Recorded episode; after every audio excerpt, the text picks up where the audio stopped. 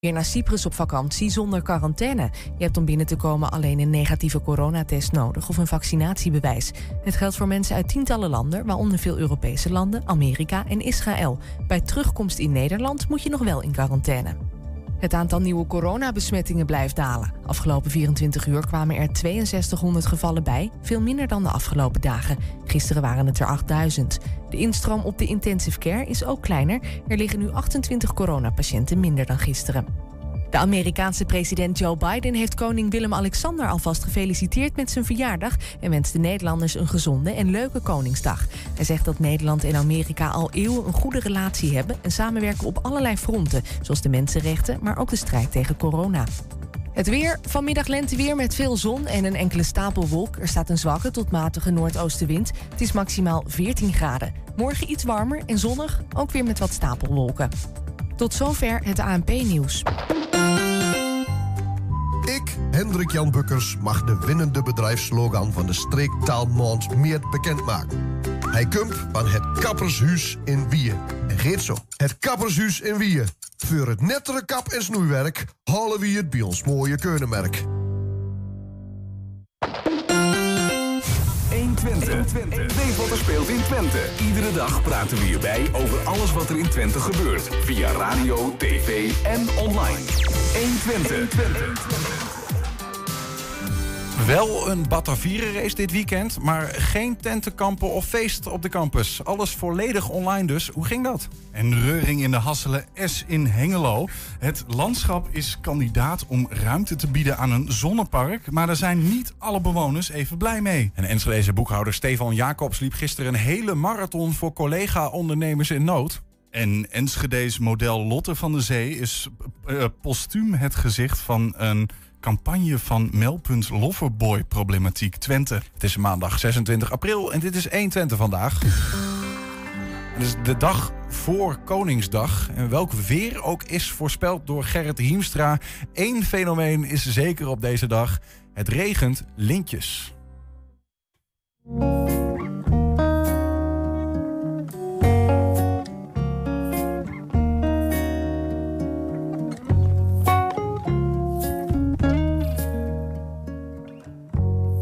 Werd uh, wakker gebeld door de burgemeester in bed. Want meestal maandagmorgen heb ik niks op programma. Ik doe door de week heel veel vrijwilligerswerk en ook wel thuis. Maar ik denk, maandagsmorgen heb ik nooit wat. Ik blijf lekker even liggen. En toen ik vanmorgen uh, ja, lekker uitslapen. En toen werd ik verrast door de burgemeester. De vrouw was al beneden. En toen zegt ja, Theo, de burgemeester aan de telefoon. Ik denk, dat kan niet goed zijn. Ik had helemaal niet over nagedacht. Ik had ook niet aan een lintje gedacht. Maar het is super en hartstikke mooi. Ik vanaf mijn 18e eigenlijk vrijwilligerswerk doe. Ik ben nu 71, dus 53 jaar lang ben ik al bezig. En ik hoop dat nog heel lang te doen. Want ik vind het op zich heel goed werk. Belangrijk werk, leuk werk. En ook voor de contacten in de, in de gemeenschap. Uh, eerst uh, kwam uh, mijn zoon en mijn kleinzoon, die kwam even toevallig even langs. En die hebben mij verteld dat er zou wel een telefoontje komen. Dus ik moest wel de telefoontje niet op... niet op stil hebben staan, want anders zou ik het niet, niet horen. En ja, en toen belde de burgemeester met wat voor mij een heel erg verrassing was. Ik had het helemaal niet uh, verwacht. Heel erg verrast, ik wist van niks. De burgemeester belde mij met een 06-nummer. Ik ben altijd waardig dat ik een 06-nummer op mijn uh, huistelefoon heb. Uh, als je heel lang, langer, langer leeft, maak je steeds meer dingen mee in je culturele leven. Waar ik zit in de cultuur. Ik heb altijd tenorsax gespeeld bij Concordia. En vanaf jongens af aan, vanaf acht jaar ben ik al begonnen. En uh, dan rol je ook door in bestuursfuncties, in secretariaatfuncties, in bibliothecarisfuncties. En uh, ja, je groeit steeds meer in het verenigingsleven. Ja, tot zover de beelden uit Hengelo met de gedecoreerden daar. Ook in Enschede werden er lintjes uitgedeeld. Mensen tot lid, mensen tot ridder en soms zelfs mensen tot officier in de orde van Oranje Nassau. In de studio is een van de gedecoreerden, Natasja Margrier Eusterbrok. Natasja, goedemiddag. Goedemiddag. En van harte gefeliciteerd. Dankjewel voor de felicitaties. Ja, onvoorstelbaar. Verrast?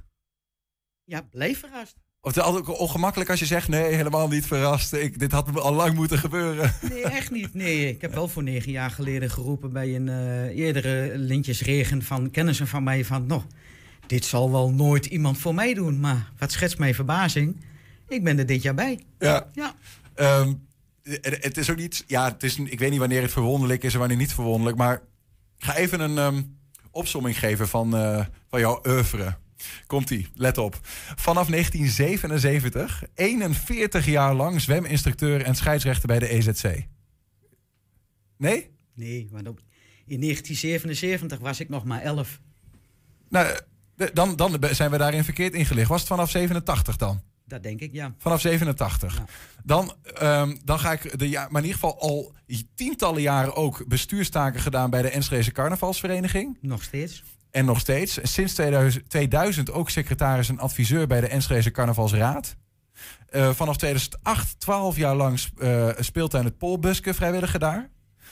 Vanaf 2017 coach, trainer van waterbasketbalteam en zweminstructeur bij sportvereniging voor gehandicapten de Tubanten. Klopt.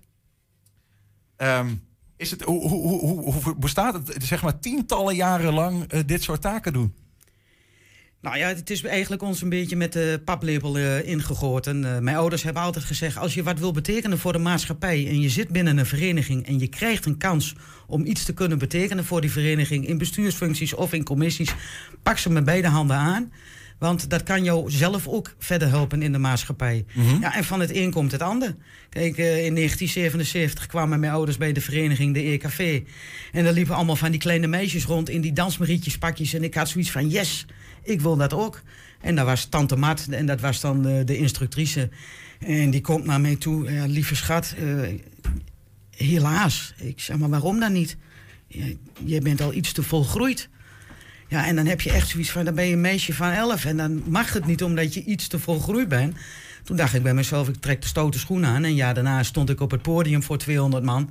Samen met nog iemand. En heb ik een stuk opgevoerd. En toen zijn we onze eigen vereniging begonnen binnen uh, de EKV. Dus ze hadden al een klutterboksenvereniging. Dat ja. was ook al een jeugdvereniging van 15 tot 25.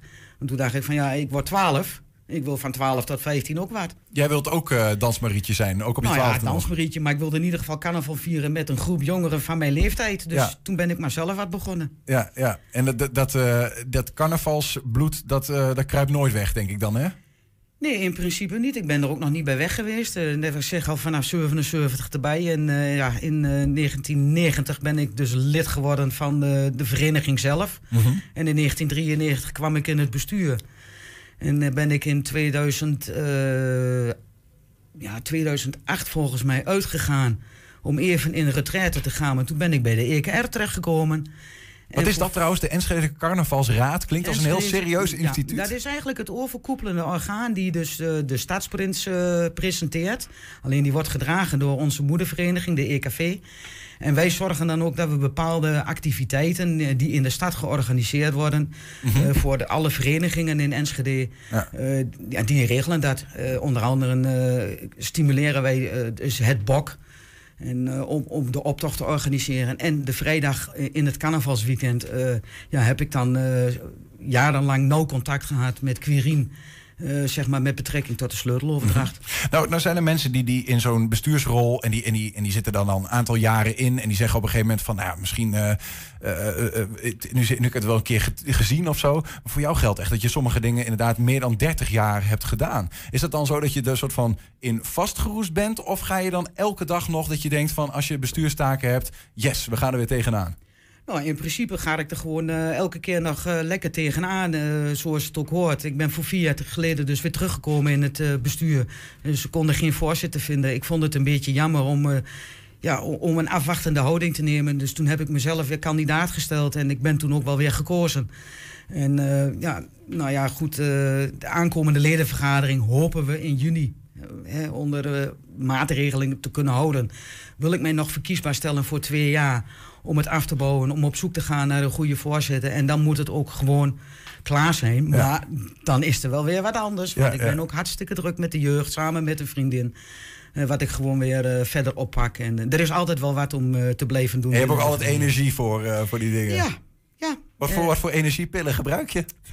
Nou, eigenlijk niks. Ja, ik heb voor twee jaar geleden dan de beslissing genomen om een maagverkleining te doen. Eh, dus ik ben eh, ondertussen 45 kilo lichter. Oké. En eh, dat geeft mij zoveel energie om er nog meer in te porren om bij diverse instanties toch inzetbaar te worden. Als wat, wat jou betreft nog tientallen jaren verder voor, als, als, als vrijwilliger of bestuurslid of wat dan ook. ergens. Zolang het in goede gezondheid blijft, bleef ik mij inzetten voor de Nederlandse, of voor de Enschedese samenleving. Ja, ja. Is het niet in, tijdens het carnaval, dan is het wel eh, met betrekking tot eh, de, de vereniging De Tubanten. Of ik ben nou overgestapt omdat Paul Buske helaas eh, niet meer bestaat. Overgegaan naar een andere speeltuin. Om daar mijn energie weer kwijt te kunnen. Ik vind het gewoon, ja, gewoon machtig mooi om met kinderen bezig te zijn. Eh, Over de Tubanten trouwens, eh, een, een eh, eh, waterbasketbalteam. Eh, eh, ik wist niet eens dat bestond.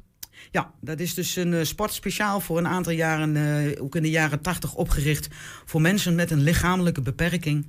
Eh, het spel wordt gespeeld vijf tegen vijf met drijvende baskets in het water. En ja, de vereniging waar ik, al, waar ik dus nu bij ben, die is toen ik erbij kwam om een jaar mee te snuffelen, om, zodat ik het over kon nemen, zijn ze dus voor de zoveelste keer Nederlands kampioen geworden. Ehm, het jaar daarna, toen ik een stokje overnam, is dat helaas niet gelukt. Ehm, maar goed, eh, we zetten ons er weer voor 100% voor in. Dat we toch eh, hopelijk, eh, als het volgend jaar mogelijk is, dat we meer kunnen strijden om de cup voor het Nederlands kampioenschap.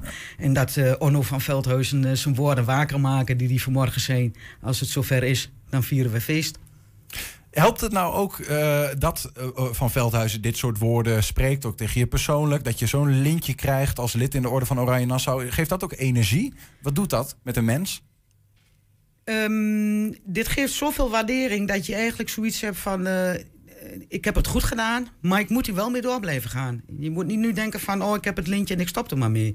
Dit geeft inderdaad nu nog meer power om door te gaan. Ja. Eh, morgen is de eerste set alweer. Eh, dus eh, ja, En je doet het uiteindelijk ook niet voor het lintje natuurlijk. Het Nee. lintje is een soort van bijkomstigheid misschien wel. Dat is gewoon het dankjewel van, van, zeg maar van, eh, van de maatschappij hier. Van, ja, bedankt voor je inzet. Ja. Maar dat wil niet zeggen dat je moet stoppen. Hoe komen ze nou bij jou? Weet je dat? Weet je hoe, hoe dit gegaan is? Want, want je wordt voor, door iemand voorgedragen, denk ik, toch? Ja, nou ja, heel toevallig is dit nou het initiatief geweest van mijn broer. En eh, die heeft gewoon eh, ja, man en macht afgebeld en gevraagd en gedaan van... willen jullie mij daarbij helpen en eventueel een stukje schrijven, een stukje waardering uitspreken. Nou ja, zegt hij, dan begint dat 30 april, jaar geleden. Hij zegt en een maand later, dan heb je de mensen geïnformeerd... en dan kom je erbij van, hebben jullie het stuk al? Nee, we moeten nog beginnen. Ja, maar het moet dan en dan ingeleverd worden. Oh, dan zullen we maar gauw beginnen. Kijk, en ik geloof op het, de oorkonde die ik eh, vanmorgen ook heb gekregen... eh, stond erbij dat het dus op 28 januari eh, van dit jaar officieel is goedgekeurd. Ja, ja. Wanneer was jij het voor het eerst? Nou ja, kijk, eigenlijk was het de bedoeling dat het vanmorgen vroeg om 6 uur zou zijn. Maar ja, dan had ik gezegd van bekijk het allemaal, maar ik ga lekker werken. ja? En, dus ze hebben me gisteren op een slinkse wijze uit het huis geloodst, eh middels mijn man. Van kom schat, we gaan lekker met de hond wandelen. En we liepen een hele andere route dan gepland. Eh, ik woon op de Westlebrink, Enschede Zuid. Naast de vijver, bij de Grote Bult. En wat schetst mijn verbazing? Liggen daar vier picknickkleden en ik zie in één keer familie van mij. En nog viel het kwartje niet. Ik denk, leuk, corona, we zien elkaar weer. Ja. Ja, wanneer we mijn krijg je ook een lintje? Dat verwacht je ook niet, ja. Nee, totdat mijn broer begon van... meid, eh, je hebt eh, de laatste periode zoveel mensen in het zonnetje gezet als eigen initiatief. En nou is het tijd dat wij jou eens in het zonnetje gaan zetten. En toen overhandigde hij mij die envelop. En toen had ik zoiets van... En toen zei ik wat. Piep. Ik zei, nou, dit had ik niet verwacht. En dan krijg je ineens een eh, onderscheiding. En dan kreeg je in één keer, en dan heb je zoiets van: jeetje, wat moet je aan? Wat moet je dit en wat moet je dat? En toen zegt mijn broer: laat het allemaal over je heen komen. Je wordt de hele dag geleefd. En dat klopt. En vandaag ging dat nog even verder, dat feestje? vandaag, dat ging dus inderdaad. Vanmorgen om eh, kwart over acht stond hij al aan de deur. Kwart voor negen op het gemeentehuis. eh, elf minuten over negen de onderscheiding. Eh, toen kwam ik je collega tegen, fotograaf. Wil je vanmiddag wel in de uitzending? Ik zei, tuurlijk wil ik dat. Nou, dan, heb je, dan moet je weer naar je werk heen, waar al je collega's staan en eh, je feliciteren en noem maar op. En dan gaat het ene plingetje naar het andere plingetje op Facebook, WhatsApp, noem maar op. Toen had ik even twee uurtjes rust. En nu zit ik hier. Nou zit je hier en dan, en dan ga je straks naar huis en dan... eh, En dan ga ik straks naar huis en dan zou er nog een verrassing zijn. Maar ja, verrassingen zijn erom. Soms een beetje niet helemaal geheim te kunnen houden. maar goed, dat maakt niet uit. Een hele grote drive-through als het goed is. Dus, oh, wat eh, leuk zeg. En, en, dan, eh, en dan moet het allemaal maar langzaam gaan bezinken. En dan moet het langzaam gaan bezinnen. En dan gaan we morgen weer vrolijk verder met onze andere activiteiten en Ja. vrijwilligerswerk. Ja. Ja. Maar ben je er goed in om ervan te genieten? Of is het ook wel zo eh, straks weer eh, over tot de orde van de dag? En, Nee, eh, nee, ik geniet wel. Ik geniet wel. Ja, ik vind het wel machtig mooi. Ja. Mooi. Ja. Veel plezier dan nog vanavond eh, en de rest van de nou bijzonderheden die allemaal nog op je pad komen. Natasja Margrier Eusterbrok, dank voor je komst. En eh, nou ja, veel plezier in je leven als lid in de Orde van Oranje Nassau verder. Dank u wel. Ja, we waren ook bij de andere eh, uitreikingsmomenten vandaag in Enschede van die lintjes. We noemden dat al even. Mensen tot lid, mensen tot ridder en mensen tot officier in de Orde van Oranje Nassau. En zo ging dat. mag ik u laten weten dat het Zijne Majesteit heeft behaagd u vandaag te benoemen tot lid in de Orde van Oranje Nassau. Van harte gefeliciteerd. Waarvoor dit is? Ja. Dat is eh, voor mijn eh, werkzaamheden binnen de kleindiersport. Ook omdat ik al 40 jaar in de liefhebberij zit. Ja. Ik heb wat eh, provinciale functies gehad. En eh, ja, dat is uitgegroeid tot een landelijke functie. Ik ben eh, meer dan 50 jaar actief voor de scheidsrechtsvereniging Enschede. En daar bent u heel erg druk mee. Daar zijn we druk mee, ja. Ja, en hoe voelt dat dat je daar een lintje voor krijgt? Geweldig. Ja? Geweldig, ja. Je bent, je bent heel erg trots? Heel erg trots, ja. Ja, verwacht. Nee, ik had het niet verwacht. Maar Nee. wel emotioneel is het toch wel. Ja. Ja. En, en, had niet verwacht eh, dat ik eh, emotioneel zou worden voor zo'n ding. Er hebben een aantal mensen hebben mij ehm, ja, dit, dit, dit laten overkomen. Ja. Die hebben dus, eh, als vrijwilliger doe ik vrij, vrijwilligerswerk. Wat doet u dan? Ik werk bij mee als vrijwilliger. Dat is een organisatie voor mensen met een beperking die op vakantie kunnen. Ik, ja, vrijwillige rouwverwerking. Ja, dat soort dingen. En, Ja. eh, dat zijn allemaal dingen die mensen dus bedacht hebben... om mij in aanmerking te laten komen voor eh, dit. Maar u hebt wel wat meer gedaan dan alleen maar werken, hè? Dan Eh, alleen maar uw werk. Er zijn wat meer dingen bijgekomen. Ja, ja, zoals? Eh, landelijke besturen eh, proberen toch eh, een goed samenwerkingsverband tussen de Twentse ziekenhuizen te realiseren. Eh, en op landelijk niveau eh, de hematologie in Twente zo goed mogelijk op de kaart te zetten. En dat is gelukt? Dat is gelukt. Ja. Ja, ik dacht dat ik met mijn vrouw een afspraak bij de bank had. maar ik vond wel dat ze heel ver weg van de bank parkeerde. ik dacht, jeetje, wat een rare wandeling. Maar goed, eh, Ja. eh, toen ga, gaandeweg ik de ballon en zo zag. Toen dacht ik, Ja, nou ja, dat- dan is het wel duidelijk door, hoe het zit. Ja, Ja, oké. ja. Er zijn veel meer mensen die dat eh, nodig hebben om te krijgen. Ja. Hè, we- niet alleen mensen die eh, een, een mooi liedje zingen, eh, of wat ook, of een, een fit mensen, maar ook gewone mensen zoals wij. Ja. Dat, eh, en er zijn er heel veel van. Ja, wat is verdiend? Ehm, eh, dit wordt je toebedeeld door anderen die, die vinden dat je daarvoor in aanmerking komt. En Ja. dat vind ik een fijne waardering dat dat is eh, gebeurd. Ja, doet dat wat met je? Ik eh, ben daar erg eh, trots op en eh, erg dankbaar voor dat mij dit eh, ten deel valt. Ik doe ontzettend veel, zeggen, van de Naters, FC Twente en de Stadspost en noem maar op. Ik, al jaren, zeggen, doe ik vrijwilligerswerk. Ja. En daar heb ik het nu. Nu begrijp ik het, maar zeggen, dat ik het hierdoor eh, heb gekregen. Ja, Wat, wat vindt u daarvan? Ik vind het geweldig. Ah, ik vind, vind het wel een eer. Het is wel een eer voor, voor, voor, voor mijn eigen inzet, zou ik bijna zeggen. Maar voordat je het toch eh, doet en dat de mensen het waarderen, dat, ja. dat is toch wel heel fijn. Ja. Maar goed, je kunt nooit alleen, je moet met elkaar. En eh, zo is het op de boerderij en zo is het bij de kerk. En eh, met elkaar moet je de schouders En die komt nu op het nachtkastje te liggen. Ja, dat denk ik. Ja, voor alle mensen namens Niels eh, en ik mag ik wel zeggen gefeliciteerd. Ja, nou ja, absoluut. Hartstikke bijzonder als je zo eh, in één keer verrast wordt met zo'n lintje. Dan dit weekend waren er geen tentenkampen of grote feesttenten gevuld met feestende mensen op de campus van de Universiteit Twente. Je zou dus denken dat de 49e editie van de Batavieren race was afgeblazen, maar schijnbedriegt. Online liepen honderden mensen hun afstand in de estafette, allemaal namens de studentenvereniging waar ze bij zitten, zodat zij toch het gevoel van eh, een race hadden.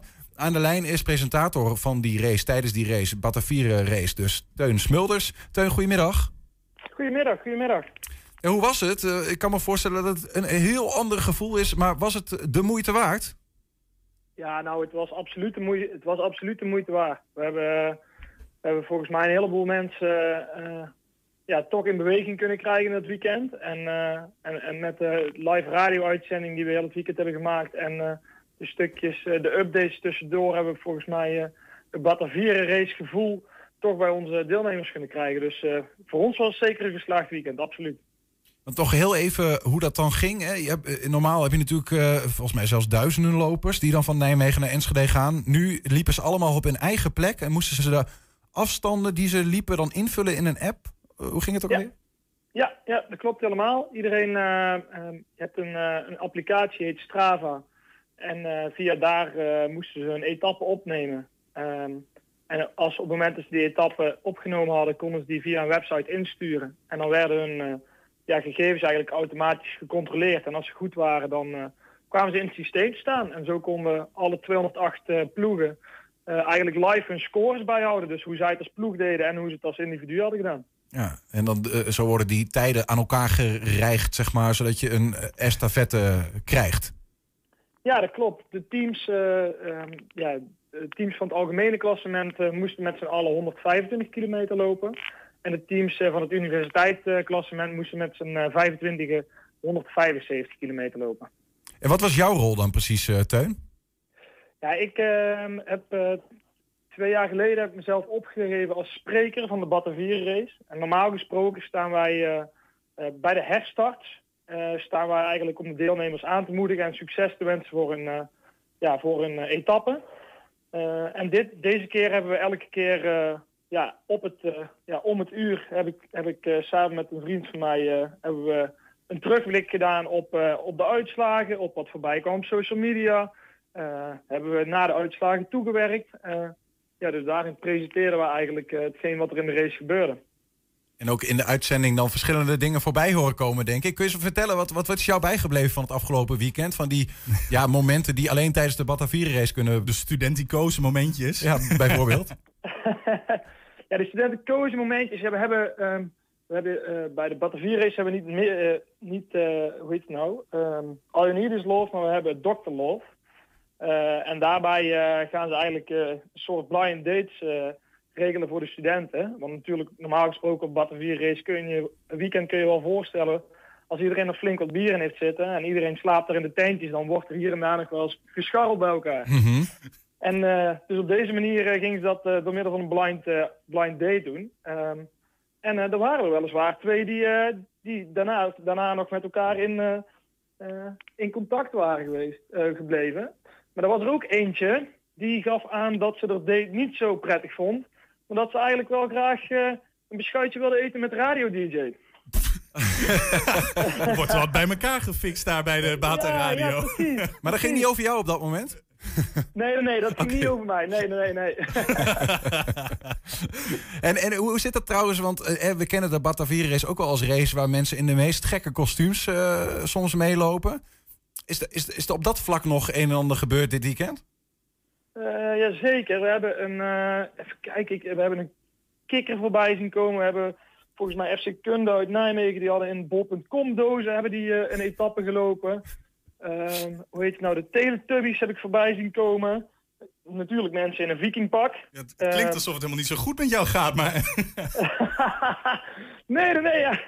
maar die hebben, nee, ja. Dus, dus er zijn, uh, mensen zijn ook zeker creatief genoeg geweest om, uh, om leuke dingen in te zenden. Ja. Dus, uh, ja. Is, er, is er nou in deze editie iets waarvan jullie zeggen van... hé, hey, maar dat is wel door de nood geboren, maar we kunnen het wel meenemen naar die volgende jaren?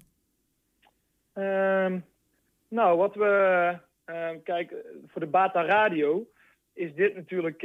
ja, doordat het natuurlijk online was was de Bata Radio dit jaar de, ja, de perfecte verbinder tussen, tussen ja. de deelnemer die thuis alleen zat. en die dan toch graag het gevoel van de Batavier race wilde hebben. Dus voor de Bata Radio is dit eigenlijk een hele mooi, mooi moment geweest om zichzelf op de kaart te zetten. En ja, op de stream hadden volgens mij 6500 unieke kijkers. Goedemiddag. Dus ik denk dat dat wel gelukt is. Ja, zeker weten. Ja. Ja, dat, en, en dan zijn de reacties ook positief, neem ik aan. Uh, ja, ja, zeker. Mensen zijn gewoon hartstikke blij dat, ze, ja, dat, dat er toch nog iets georganiseerd wordt. En, en ik denk helemaal de mensen van de radio. Ja, ik moet zeggen, ze, ze, hebben zich geweldig voorbereid en ze hebben volgens mij iets hartstikke moois van gemaakt. En eh, ik denk dat het voor de deelnemers wel, eh, ja, toch wel een fijne, fijne manier is om, eh, ja, om, om nog iets leuks te doen in deze tijd. Ja, absoluut. Uiteindelijk is het, de Battle 4 race natuurlijk ook een race. Hè? Het zit ook in die naam. Het is ook echt een wedstrijd. En er zijn ook mensen die meedoen voor de, voor de, gewoon voor de eerste plek, die daarvoor gaan. Uh, wie is dat geworden dit jaar? Uh, ja, dit jaar heeft uh, de Radboud Universiteit en de Hogeschool van, Ar van Arnhem en Nijmegen... Mm -hmm. die hebben dit jaar met een wedstrijdteam voor het derde jaar op rij gewonnen. Uh, en even om een voorstelling te geven, ze hebben dus met 25 lopers 175 kilometer gelopen. En dat hebben ze gedaan met een gemiddelde snelheid van 16,7 kilometer per uur. Dat zijn ja, wel echt, echt allemaal. Net ter hard. Ja, ja, ja, ja, ja maar zijn dat ook echt allemaal studenten van die, um, van die universiteit en van die hogeschool? Of, of, of kunnen ze ook experts van buitenaf invliegen, stiekem?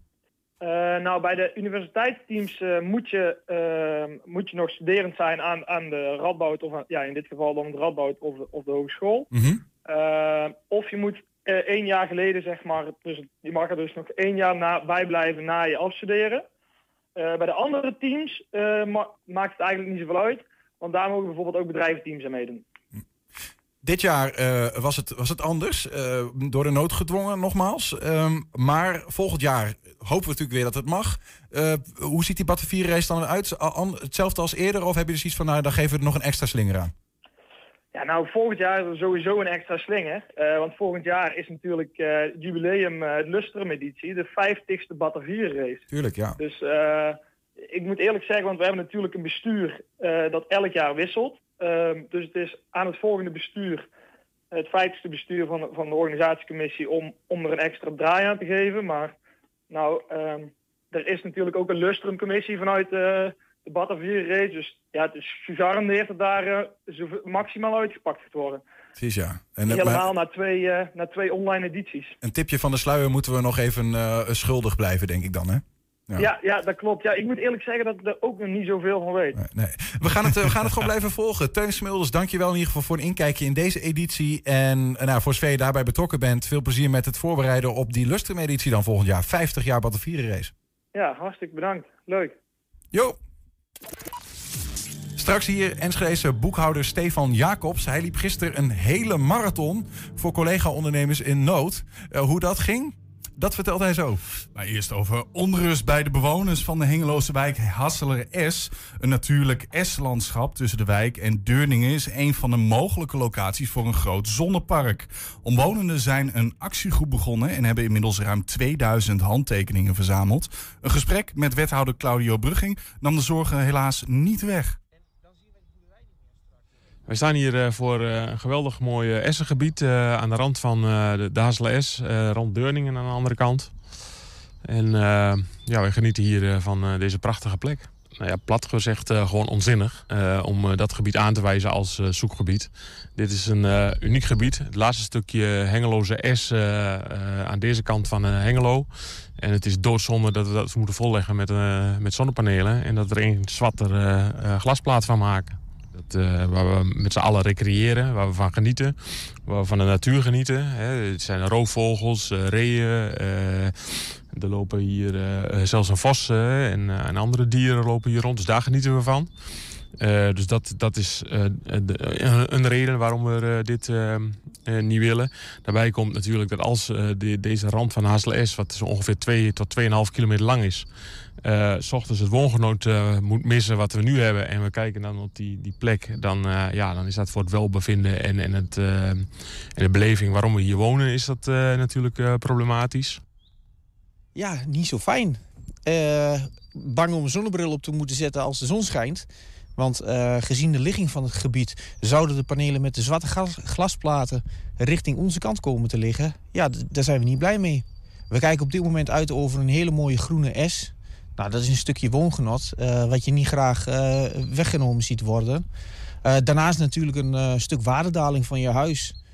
Want ja, wij hebben de plek hier gekozen om te wonen, omdat wij zo mooi uitkijken. Dan zie je dat op een gegeven moment dat er überhaupt geen draagvlak is. Onze petitie is al bijna 2500 keer ondertekend. Er was een open gesprek, maar ja, de wethouder kan natuurlijk niet veel meer dan op dit moment alleen zijn proces volgen. Ja, en dat is voor ons natuurlijk niet voldoende. Eh, we, eh, zijn onrustig, eh, we zijn bezorgd. Het is al gekomen door het feit dat eigenlijk eh, de communicatie eh, eh, niet optimaal was in onze richting. Eh, de gemeente beweert dat ze brieven hebben verstuurd. eh, eh, ja, dat zal best, maar niet naar de mensen in deze omgeving. Eh, ze hebben gecommuniceerd via Facebook, via de Hasselen Post en eh het Hengeloos Weekblad. Maar dat ontvangt niet iedereen. Dus eh, het sloeg ook nog eens een keer in als donderslag bij heldere hemel... dat er als dusdanig ver gevorderde plannen lagen. We zullen kijken welke verdere, verdere stappen we moeten nemen... om te voorkomen dat hier de natuur vernietigd wordt... en we hier ons woongenot gaan verliezen. Hij heeft het hem geflikt. Ondernemer Stefan Jacobs, hij liep gisteren een hele marathon om geld binnen te halen voor eh Twentse ondernemers die financieel getroffen zijn door de coronacrisis. Samen met Aaron Schilder en Martijn Koorn liep hij in 4,5 uur de iets meer dan 42 kilometer helemaal uit. En ik heb vernomen dat dat niet vanzelf ging. Stefan, dat klopt hè? Ja, ik heb vanochtend nog een keer gelopen. Nee. Ja, je zit, je zit er le- lekker in nu, ja, ja. Ja, mochten mensen voornemens zijn om een marathon te gaan lopen, doe het niet. Ehm, nee, het is echt niet grappig. Een eh, halve marathon is echt leuk, ook om naartoe te lopen. Eh, tussentijd tijdens de training een keer of vier gelopen. Ehm, dat is leuk om te doen. Geniet je ook echt van de omgeving. Twee weken geleden in Amsterdam 32 kilometer gelopen. Dat was, eh, dat was geweldig. Heel zwaar, maar geweldig om te doen. Daar voel je ook echt voldaan. Heel veel last en spierpijn. En het is twee, drie dagen echt revalidair dat je je benen nog voelt. Mhm. Maar 42 is niet grappig. Eh de kilometer die je dan eh, nog erbij opkomt, dus van 32 naar, naar 33 kilometer, 34 kilometer. Je lichaam zegt stop, stop, stop, stop. Maar in je hoofd moet je zeggen, ga door, ga door. Dus dat is, ja, het is een beetje een tweestrijd. Eh als je stopt, wat gebeurt er dan? Dan, eh, ja, dan voel je kramp in je benen. En dan is het heel moeilijk om weer op te starten. Eh, dat hebben we één keer gedaan om even wat te eten. Eh, en dan ga je weer opstarten. En dan eh, ja, dat duurt het bijna twee kilometer voordat je weer in het ritme zit. Ja. Dus je moet gewoon niet stoppen. Gewoon een soort- van eh, brainless, blik op oneindig, gewoon doorlopen. Ja, je wordt ook wel iets geagiteerd inderdaad. Ja, mensen om je heen die dingen vragen of mensen supporters. Er kan geen lachje meer vanaf die laatste 10 kilometer. Maar ja, dat hoort erbij. Iedereen is daar begripvol. eh, ja. Toch wel. Ja, toch wel, ja. ja. Ja, Eh, we, we hebben wat beelden van gisteren. Eh, om toch even een eh, beeld te krijgen. Want eh, er was echt een, een dikke livestream bij opgetuigd. Je loopt hier over Roombeek, denk ik. Hè? Ja. Ja. ja, dat is een begin. Dit is in het begin. Ja. Hier dacht je nog, dit gaan we doen. Ja, toen lachten we nog. Ja. Toen lachten we nog, ja. Ja, is het ook echt zeg maar tot die 32 dat je dacht, komt goed? Want je hebt soms, je hebt natuurlijk, dat is altijd een beetje zo'n ding. Je hebt goede dagen en slechte dagen. En, en dan, hoe was je dag? Begon je al dat je dacht van dit is goed? Of dacht je wel van, poh, dit wordt wel een dingetje? Ja, ehm normaliter als je start is mijn hartslag zo rond de 140. Stond al gelijk op de 160. Ik denk wel een stukje excitement. eh, maar dat zal dan na 15 minuten of zo wel weggaan. Ehm, het bleef op 160, 170. Dus dat is vrij fors. Mhm. Op 21 kilometer eh, waren we bij het vliegveld. Toen kreeg ik kramp in mijn kuiten. Dat was even zuur. Toen stopte ik ook even om even wat te eten, een krentenbol.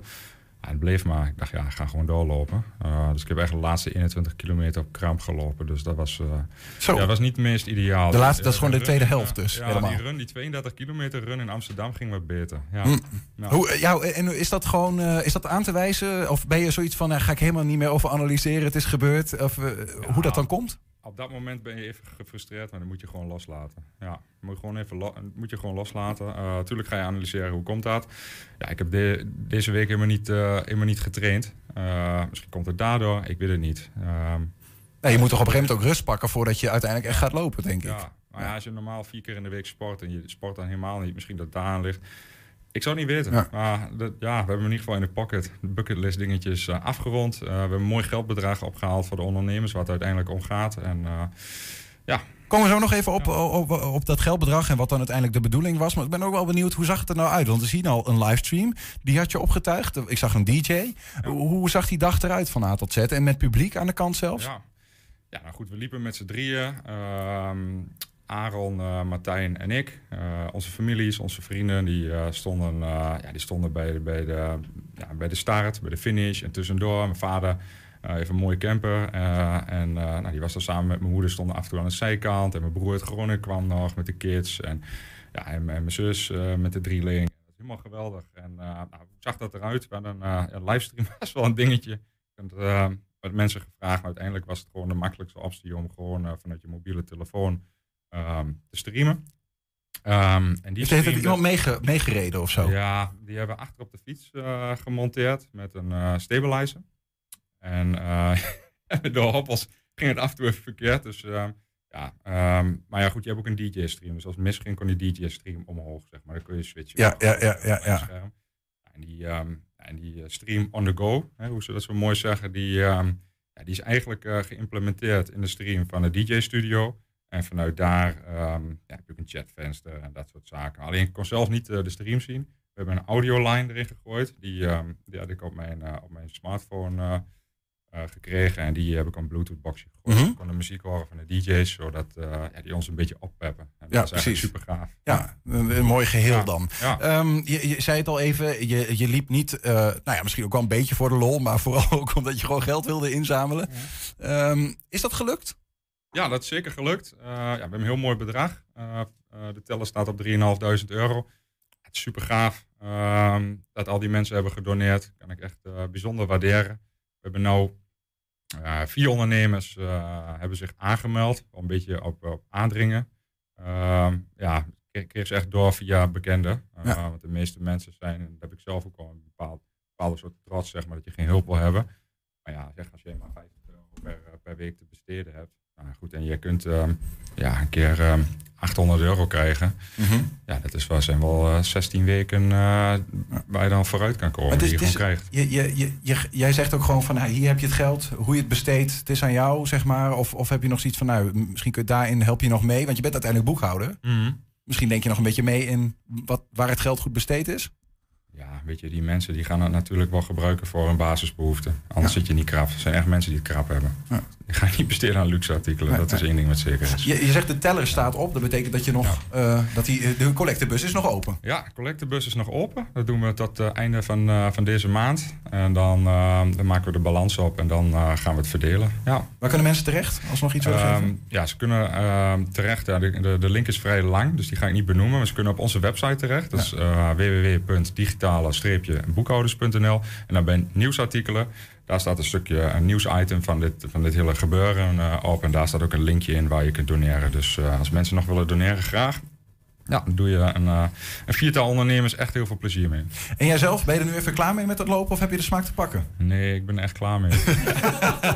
Kun je nu nog, wat, hoe ben je vanochtend opgestaan eigenlijk? Was je helemaal geradbraakt?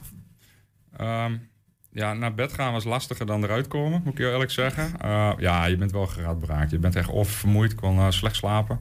Terwijl ik normaal als ik in bed lig, ja, dan ben ik met vijf minuten vertrokken. Nou heeft het echt al twee uur geduurd. Ehm, ja, je staat op. Ja, alles doet pijn. Maar ja, je loopt gewoon door.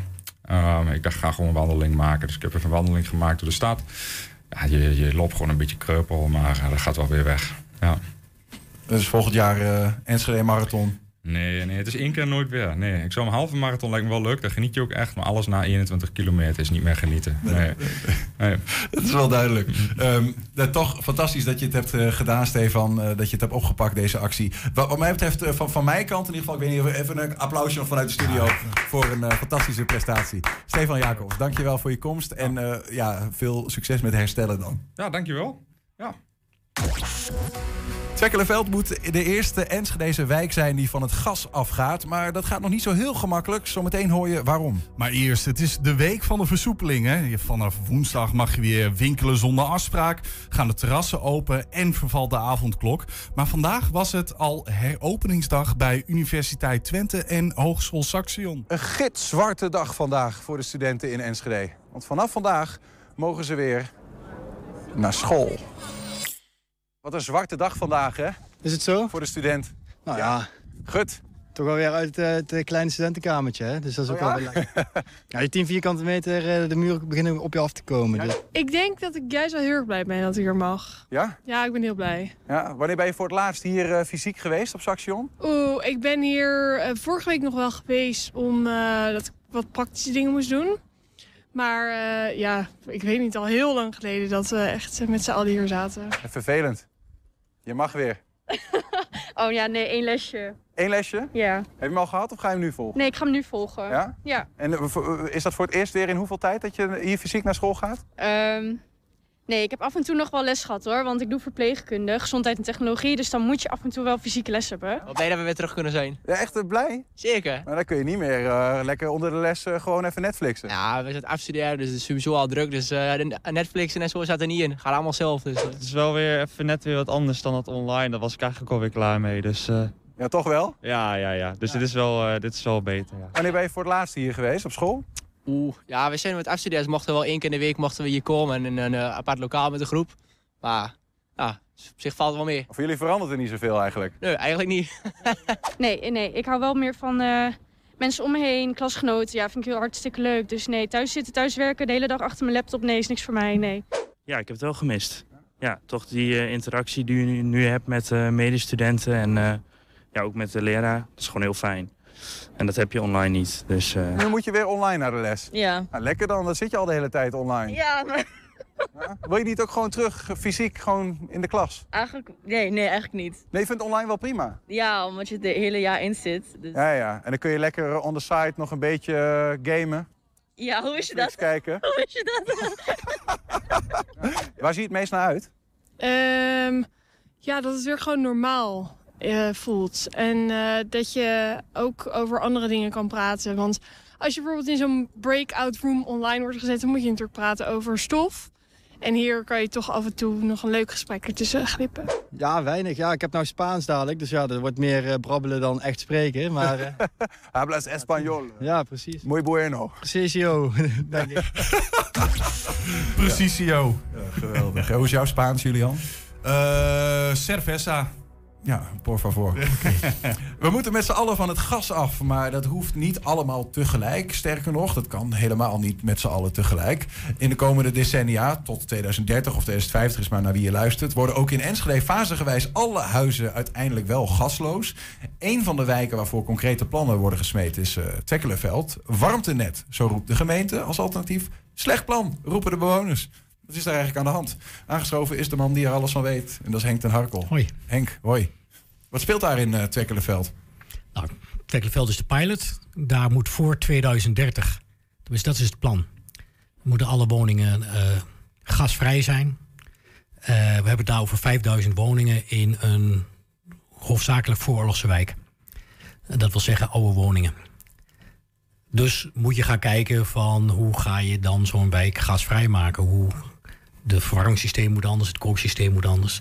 Uh, hoe doe je dat? Nou, uitgang, uitgangspunt van de gemeente is, we gaan dat uh, uh, neutraal doen, kostenneutraal doen. Dus dat moeten bewoners eigenlijk niks meer geld kosten dan dat ze nu kwijt zijn aan energiekosten. Mm -hmm. nou, maar goed, daar komen nog investeringen bij.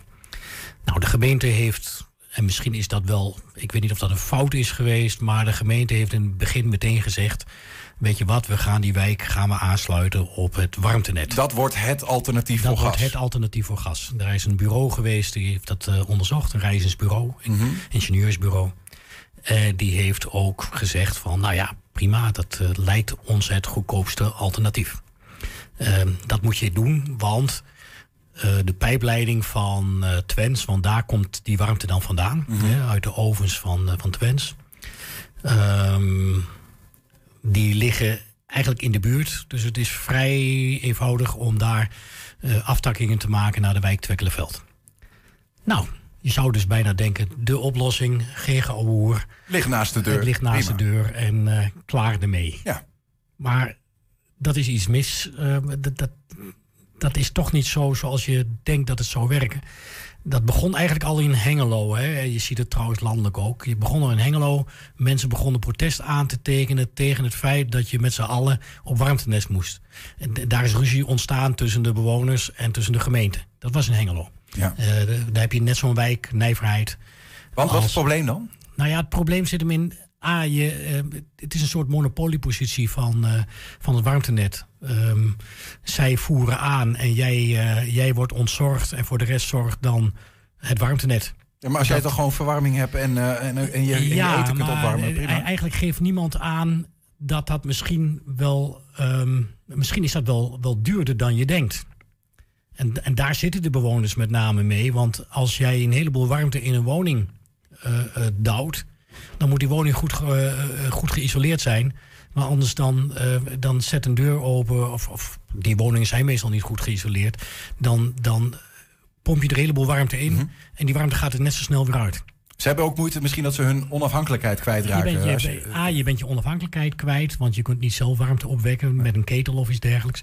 Twee is dat de kosten, de gemeente en, en natuurlijk, dat is de uitvoerder, hè, die, die, die zorgt dat de warmte binnenkomt bij de mensen. Die zeggen, het is de maatschappelijk goedkoopste oplossing.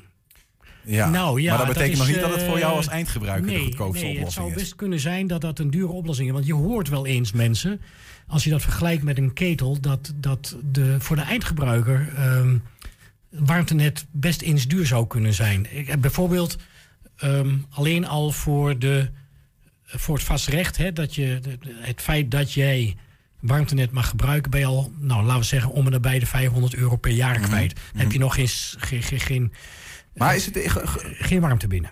geloven, geloven de mensen dan niet dat, er, ehm, eh, eh, dat het het goedkoopste alternatief is? Nee, dat is het.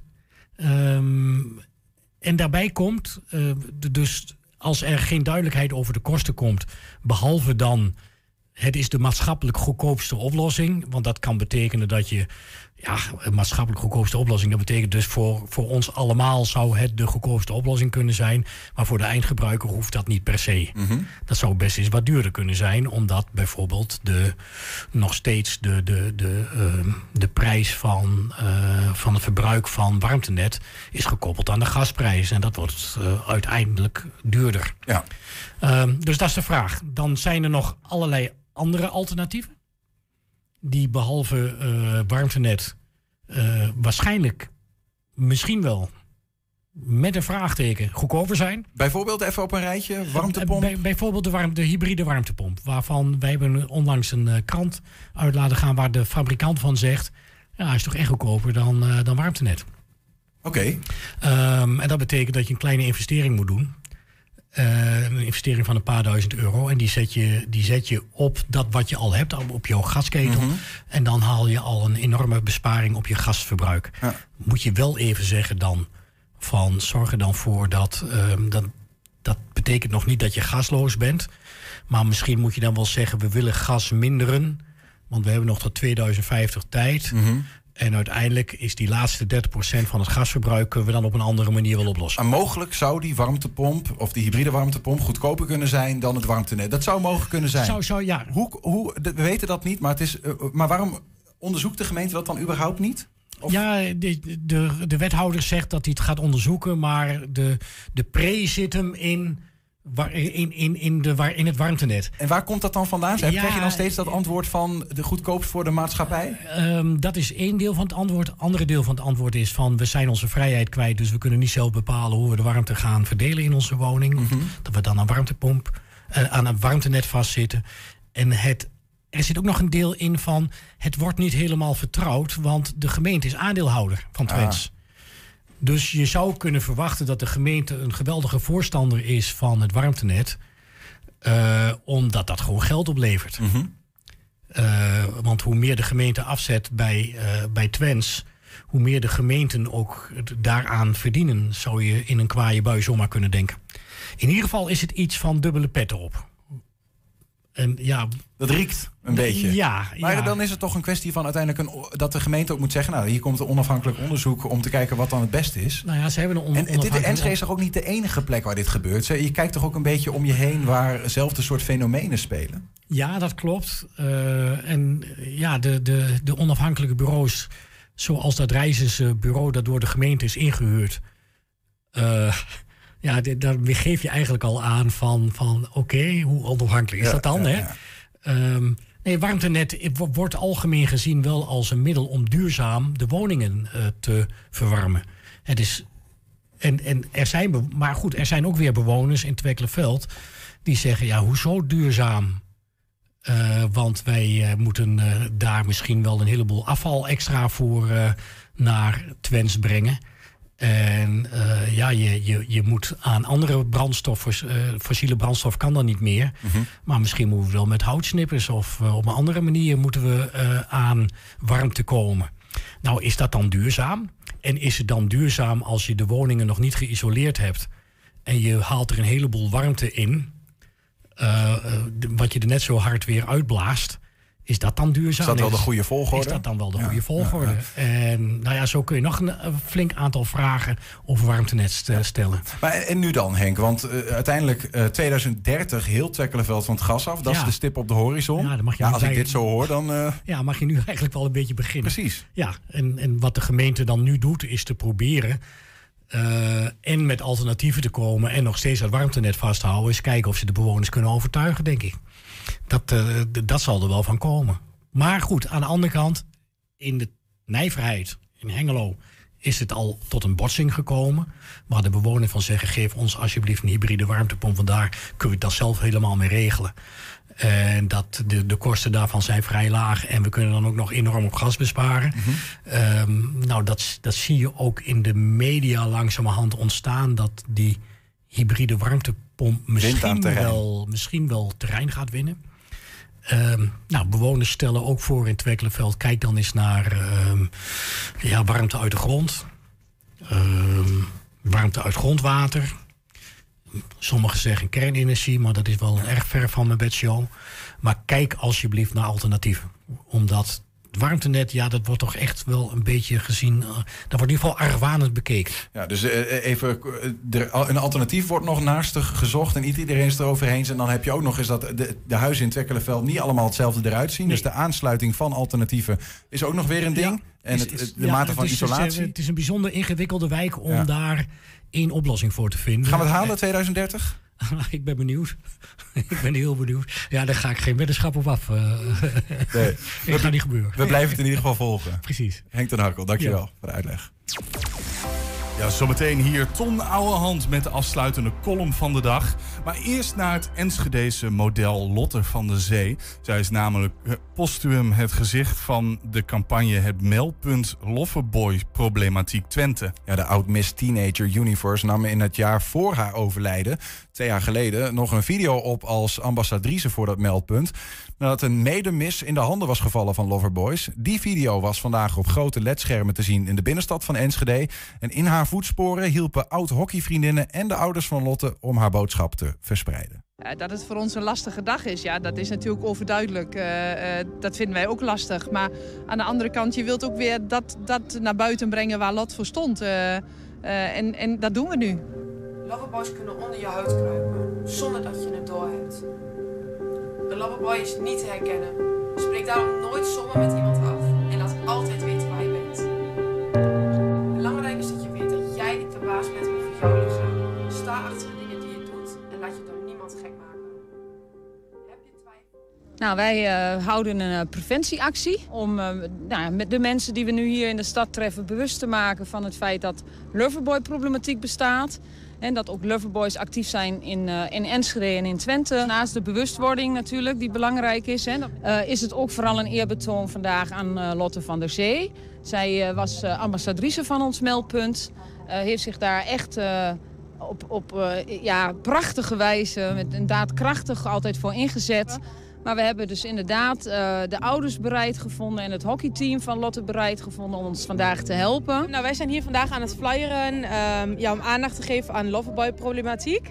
En ehm, nou ja, we zijn hier met z'n allen en lopen rond door de stad en delen de flyers uit. En eh, proberen wat informatie te geven. En nou ja, wij weten niet alles, dus dan sturen wij ook de mensen hier naartoe. er ook bij, weet je, we staan hier voor Lotte van der Zee, eh, is onze vriendin, is onze teamgenoot. Dus dan zeggen we van, we staan hier voor haar.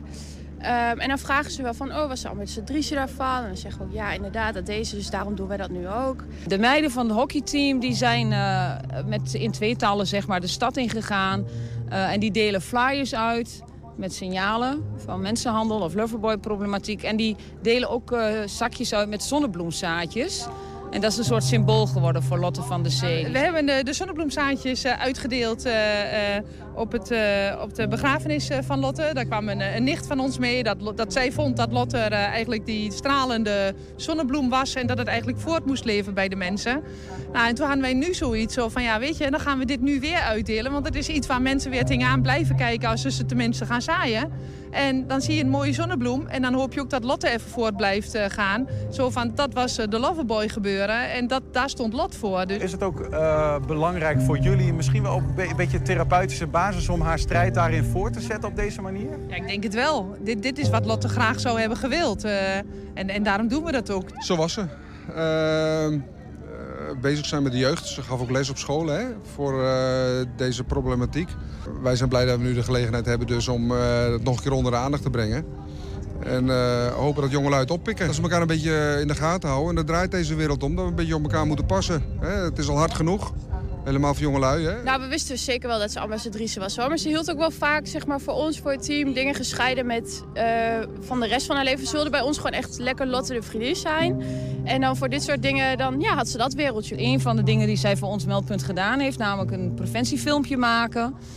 En eh, nou ja, vandaag eh, hebben wij bedacht om eh, die te laten zien, eh, eh, ja, om Lotte te eren. En eh, eigenlijk dankjewel nog te zeggen voor alles wat zij gedaan heeft. Bewegende beelden en dat je haar stem hoort, dat is wel, ehm, ja, wel weer, dat klapt er wel weer in, zeg maar. Ja. Want hoe herinner jij haar? Eh, ja, heel positief, heel vrolijk. Altijd lief voor iedereen, altijd gezellig. Ja, ik- maar ze was echt een mensenmens. Ze had een verschrikkelijke energie. Een hele goede energie. Ze, was, eh, ze hield wel tien ballen in de lucht. Hè? En we hebben wel eens ons zorgen gemaakt. van pak je wel je rust. Maar daar letten ze ook op. Ze kon ook heerlijk chillen. Maar ze was altijd aan het werk of bezig. En ehm, ja, het, eh, een, een dochter die zich elke ouders wenst. Net zoals met dit soort dingen ga je natuurlijk weer terug naar dat moment. Om, om, omdat dat eh, het, is, het moment is dat ze ons ontvallen is. Eh, ehm, maar aan de andere kant, je moet ook niet te veel teruggaan. Om, want daar word je zelf echt verdrietig van. En, en eh, we moeten door. Lot zou niet anders willen dan dat wij door zouden gaan. En, eh, eh, en daar doen we ons best ook voor. Dus zodoende doen wij dit ook. Ja, we waren zelf ook op skivakantie. Wij zijn als zussen. En Eline die kreeg een telefoontje. We zaten samen in de skilift. En ja, dat was wel even een klap. Want ja, weet je, ik, ik hoor het gesprek niet. We zaten samen met z'n tweeën dus in dat liftje. En, en zij heeft Eugenique aan de telefoon. En het was ook nog de dag van haar verjaardag dat we het hoorden. Dus Eline neemt op met... Oh, je gefeliciteerd met je dochter. En eh, ja, dat moment daarna was het... Ja, dankjewel, maar dit en dit is er aan de hand. Dus toen was het wel voor ons even die dag ook van... Oké, ja, we gaan nu naar beneden, niet meer skiën. En eh, even klaar. Dat was wel heftig. En in de eerste instantie denk je ook van, nou oké, er is iets heel ergs gebeurd. Het komt nog wel goed. Maar ja, langzaamaan kwamen we er ook wel achter dat het niet meer goed ging komen. Dus ja, dat was wel ja, verwerken elke keer weer. We staan ermee op, we gaan ermee naar bed. Eh, we zoeken afleiding in ons werk en dit soort dingen. Ehm, maar elke ouder zou dat kunnen beamen die dit is overkomen. Ehm, eh, dat laat je nooit meer los. We gaan gewoon elkaar niet verliezen en lekker ons dingetje doen. En eh, het leven eh, is en blijft de moeite waard om geleefd te worden. Dus ehm, de boodschap aan iedereen. Kop op. lukt het je niet, zoek hulp. Maar doe wat. Dank jullie wel. Dank. Ja, zo, ja. Ja. Toch rakend. Ja, het is een bijzonder gesprek wat je dan hebt van die eh, ouders die gewoon hun dochter midden in het leven zo actief en gewoon ineens pats weg. Ja, dat gun je niemand. Dat is, eh, dat is een hele open deur, maar dat is gewoon zo zoals het is. En, Ja. en ze kunnen dat fantastisch eh, vertellen hoe dat ze raakt. En dan raakt het jou ook. Ja, en eh, eh, zo raakt het denk ik wel meerdere mensen. Inmiddels bij ons in de studio aangeschoven is Ton Ouwehand. Ton, welkom. Dankjewel. Ja, laten we eh, zo meteen heel even naar de column. Maar daarvoor even een kort vraag. Ik weet dat jij liefhebber bent eh, van eh, even in de stad, even een biertje of zo. Heb je al bij een restaurant wat, bij jouw Niks. restaurantje al wat geboekt? Nee, niks. Nee, Nee, nog nee, niks. ik vind het veel, veel te geforceerd. Ja. Ik wacht tot het allemaal, tot allemaal wat genormaliseerd is. Kijk eens Dan aan. kom ik wel terug. Nou, wat niet eh, genormaliseerd is, is dat we iedere week een column van de dag hebben. En dat die dit keer voor jou komt, eh, de column van Ton Ouwehand. Nou, dankjewel. Het gaat dit keer, mij morgen Koningsdag. Woensdag krijg ik een vaccinatie. Vaccinatie. Dus dat lijkt me wel goed om het over poëzie te hebben. Braag groevend. Braag groevend. Met alle gebrieven verjoeten de elings het jat. Net even het dwalingse gat glit over en onder het snieuwen. O wat had, wat hut en wat huwen. Ik pad mij in Utrecht klin. Zou het ooit nog een zuien of zuwen? Of moet ik er ook nog bij in? Ehm, ik weet niet of het opviel. Piepklein lettertje, toch zonder bril. En het was dan ook een gevalletje van uit het hoofd. Kostte me geen enkele moeite, want ik ken dit al vanaf mijn tiende. Geleerd van mijn vader. Mijn vader vond dat ik dit uit mijn hoofd moest kennen. Dat was goed voor een mens. Toen ik vroeg of er nog een dichter aan te pas was gekomen, zei hij dat het er eentje van Karel Scheefhals was. Ja, ja, dacht ik.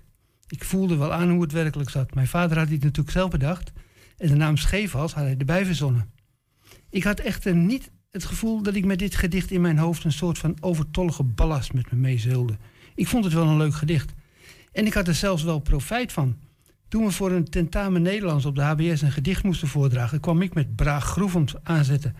En ik hield een betoog over de zorgvuldig geconstrueerde schijnbare wartaal, met af en toe een herkenbaar woord, waarna de luisteraar of lezer met beide benen op de grond wordt geplaatst door die concrete slotzin, of moet ik er ook nog bij in? Daarmee stond alles ineens in een ander perspectief. Braaggroeven kwam me vaker van pas. Als de gelegenheid zich voordeed, haalde ik scheefhals van stal. Toen ik de studie Nederlands eraan gaf om naar het conservatorium te gaan, nam mijn gitaarmeester me in vertrouwen. Zo'n studie klassiek gitaar was misschien wel te saai voor mij. Ik moest proberen op de afdeling schoolmuziek terecht te komen. Ik had geen idee wat het was, maar ik haalde een brochure op waar de kunstjes in stonden beschreven die als aankomend schoolmuzikus onder de knie moest hebben. En er stond ook tussen een gedicht en dus waar voor een conservatoriumcomité ditmaal braag groevend toegelaten. In 83 konden eindexamens in kunstzinnige beroepen niet serieus worden genomen als daar geen poëzie aan te pas kwam. En dan was ik weer met een originele scheefhals braag groevend geslaagd. Al die keren dat ik op officiële momenten met dit gedicht op de proppen kwam, dacht ik: wat heb ik jullie allemaal mooi te pakken.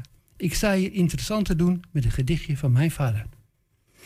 Mijn broer heeft mijn vader ook goed gekend. Alleen wat korter omdat hij jonger is. Maar ook hij kende Braag Groevend uit zijn hoofd. Hij overhandigde mij een tijdje geleden een Bruna Pocket waarin ons verleden op dit punt behoorlijk onderuit schof, geschoffeld werd.